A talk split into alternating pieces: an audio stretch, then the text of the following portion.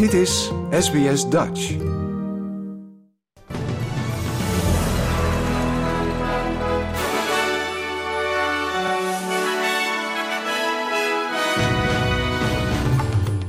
Dit zijn de headlines van het SBS Dutch nieuwsbulletin van woensdag 31 mei. Wetsvoorstel dat voorsreferendum mogelijk maakt aangenomen door parlement. Australische Centrale Bank betaalde personeel onder. En Venus Williams naar tennistoernooi Rosmalen.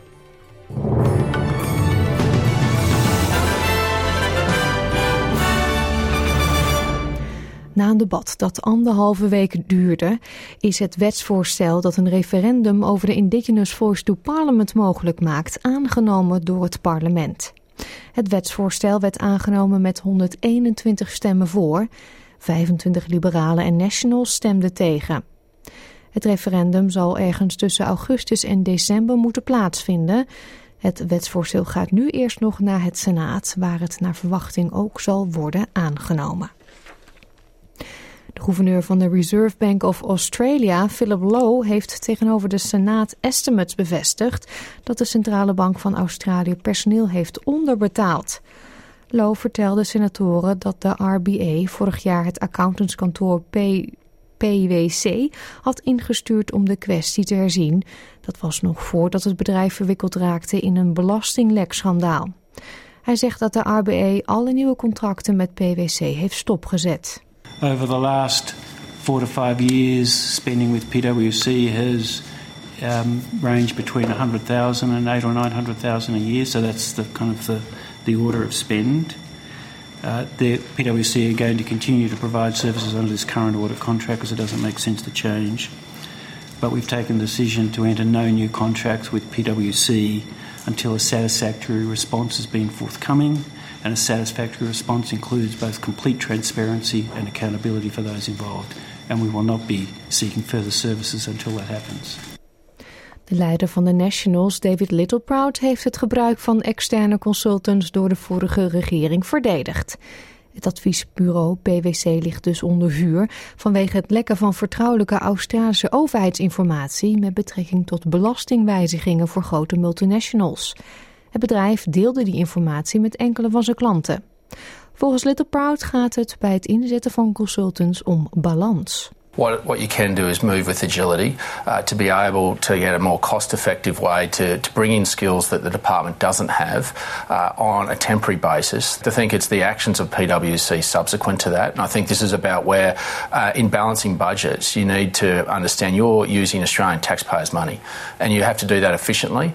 And if you're able to, to be able to do that by bringing people in on a temporary basis to get the skill sets that you don't have in the department and don't need full time then common sense.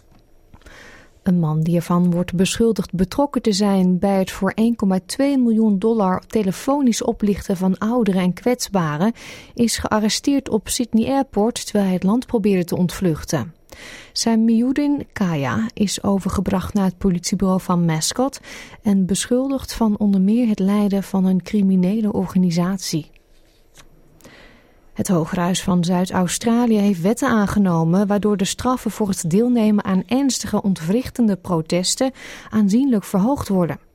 Parlementsleden debatteren tot in de late uurtjes over de wetten, die erop neerkomen dat iedereen die wordt beschuldigd van het belemmeren van een openbare plaats een boete kan krijgen tot 50.000 dollar of tot drie maanden gevangenisstraf. Premier Pieter Malinokas zei tegen de ABC dat mensen die legaal protesteren, dakloos zijn of vreedzaam protesteren, deze boetes niet zullen krijgen. The law as it stands, uh, or today, because the, the Parliament hasn't finalised this process, the law as it has always been for many, many decades is actually remaining the same. What the legislation is simply doing is changing the penalty regime uh, to make sure that it's increased so that people can't with impunity break the law, knowing that the fine is only $750 and they can crowdfund that uh, in a way that means they can recklessly, with willful abandon, uh, completely disrupt the lives of ordinary South Australians. Het Zuid-Koreaanse leger zegt dat Noord-Korea een zogenaamde ruimtesatelliet heeft gelanceerd richting het zuiden. De gebeurtenis leidde tot noodwaarschuwingen en korte evacuatiewaarschuwingen in delen van Zuid-Korea en Japan. Noord-Korea had al aangegeven dat het tussen 31 mei en 11 juli zijn eerste militaire verkenningssatelliet zou lanceren om de monitoring van Amerikaanse activiteiten te boosten. De NAVO zegt nog eens 700 troepen naar het noorden van Kosovo te sturen om te helpen bij het deescaleren van de gewelddadige protesten al daar. Servische demonstranten gooiden maandag traangas en flitsgranaten naar NAVO-soldaten in de Kosovo-stad Zvečan. Bij de ongeregeldheden raakten 30 NAVO-militairen en 52 Servische demonstranten gewond. De Kosovaarse premier zegt dat de burgemeesters die vorige maand gekozen zijn... de enige zijn die legitiem de lokale overheidsgebouwen mogen betreden in dienst van de burgers. Hij zegt dat de aanstichters van het geweld zijn geïdentificeerd...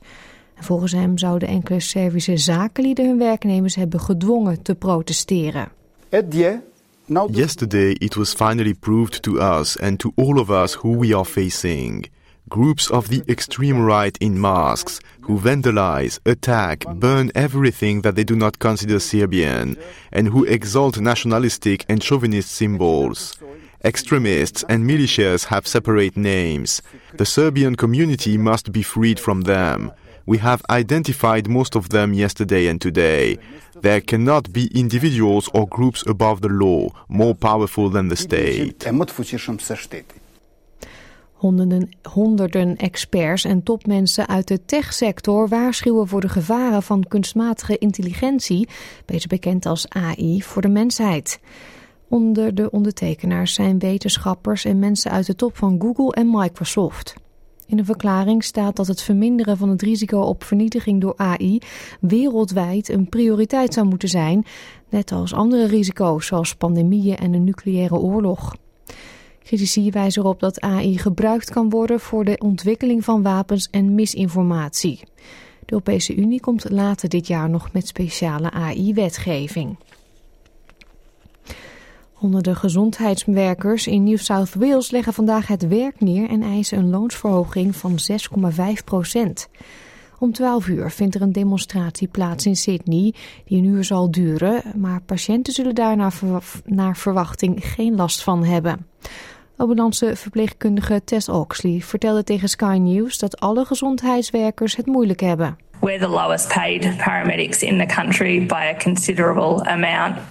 And it's gotten to the point not where we can't go on a smaller holiday than what we'd like to do, but where we're trying to work out how to pay our bills on a daily on a daily basis. This is what our conversations are at work now. I'm having to decide on a week by week basis which bills are a priority. I'm having to try and work out just how much petrol I need to put in my car by how far I'm driving, whether I'm driving just to work or with a second job if I have to drive a little bit further to get to that job.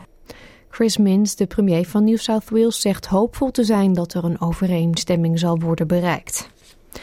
De Amerikaanse president Joe Biden zegt een goed gevoel te hebben over het schuldenplafond en de begrotingsovereenkomst die is onderhandeld met House Speaker Kevin McCarthy. Het Witte Huis probeert met man en macht ervoor te zorgen dat de deal deze week op tijd wordt aangenomen om zo het leningslimiet van het land op te heffen en een faillissement te voorkomen. Maar sommige rechtse conservatieven hebben kritiek op de deal en vinden dat deze niet voldoet aan de verregaande bezuiniging, bezuinigingen die ze wilden. Republikeins congreslid Chip Roy is een van die critici. Every one of my colleagues, be very clear. Not one Republican should vote for this deal. It is a bad deal. No one sent us here to borrow an additional $4 trillion to get absolutely nothing in return. Een faillissement in de VS zou de economie verwoesten en gevolgen hebben voor de hele wereld. Verder met sport en verrassend tennisnieuws uit Nederland. Venus Williams neemt op een wildcard deel aan het WTA-toernooi van Rosmalen, dat volgende week zaterdag begint. De 42-jarige Amerikaanse, die nog nooit eerder in Nederland speelde, won zeven Grand Slams en is de voormalig nummer 1 van de wereld. Mede dankzij blessures is Williams afgezakt naar de 701ste plek op de wereldranglijst. Sinds januari kwam ze niet meer in actie. De wisselkoers dan. Voor 1 Australische dollar krijgt u op dit moment 61 eurocent. En 1 euro is 1,65 dollar waard. Het weer dan nog voor vandaag. Er vallen buien in Perth. Het wordt daar maximaal 20 graden. Adelaide gedeeltelijk bewolkt, ook 20 daar. Melbourne kans op een paar buien, 19. Hobart buien, maar de wind neemt af, 17. Het is bewolkt in Canberra, 15. Wollongong en Sydney gedeeltelijk bewolkt in 21 graden. Ook gedeeltelijk bewolkt in Newcastle, 22. Het is zonnig in Brisbane, 24. Cairns een paar buien, 27. In Darwin schijnt de zon, 30. En Alice Springs, daar is het zonnig en wordt het 25 graden vandaag. Dit was het SPS Dutch Nieuws.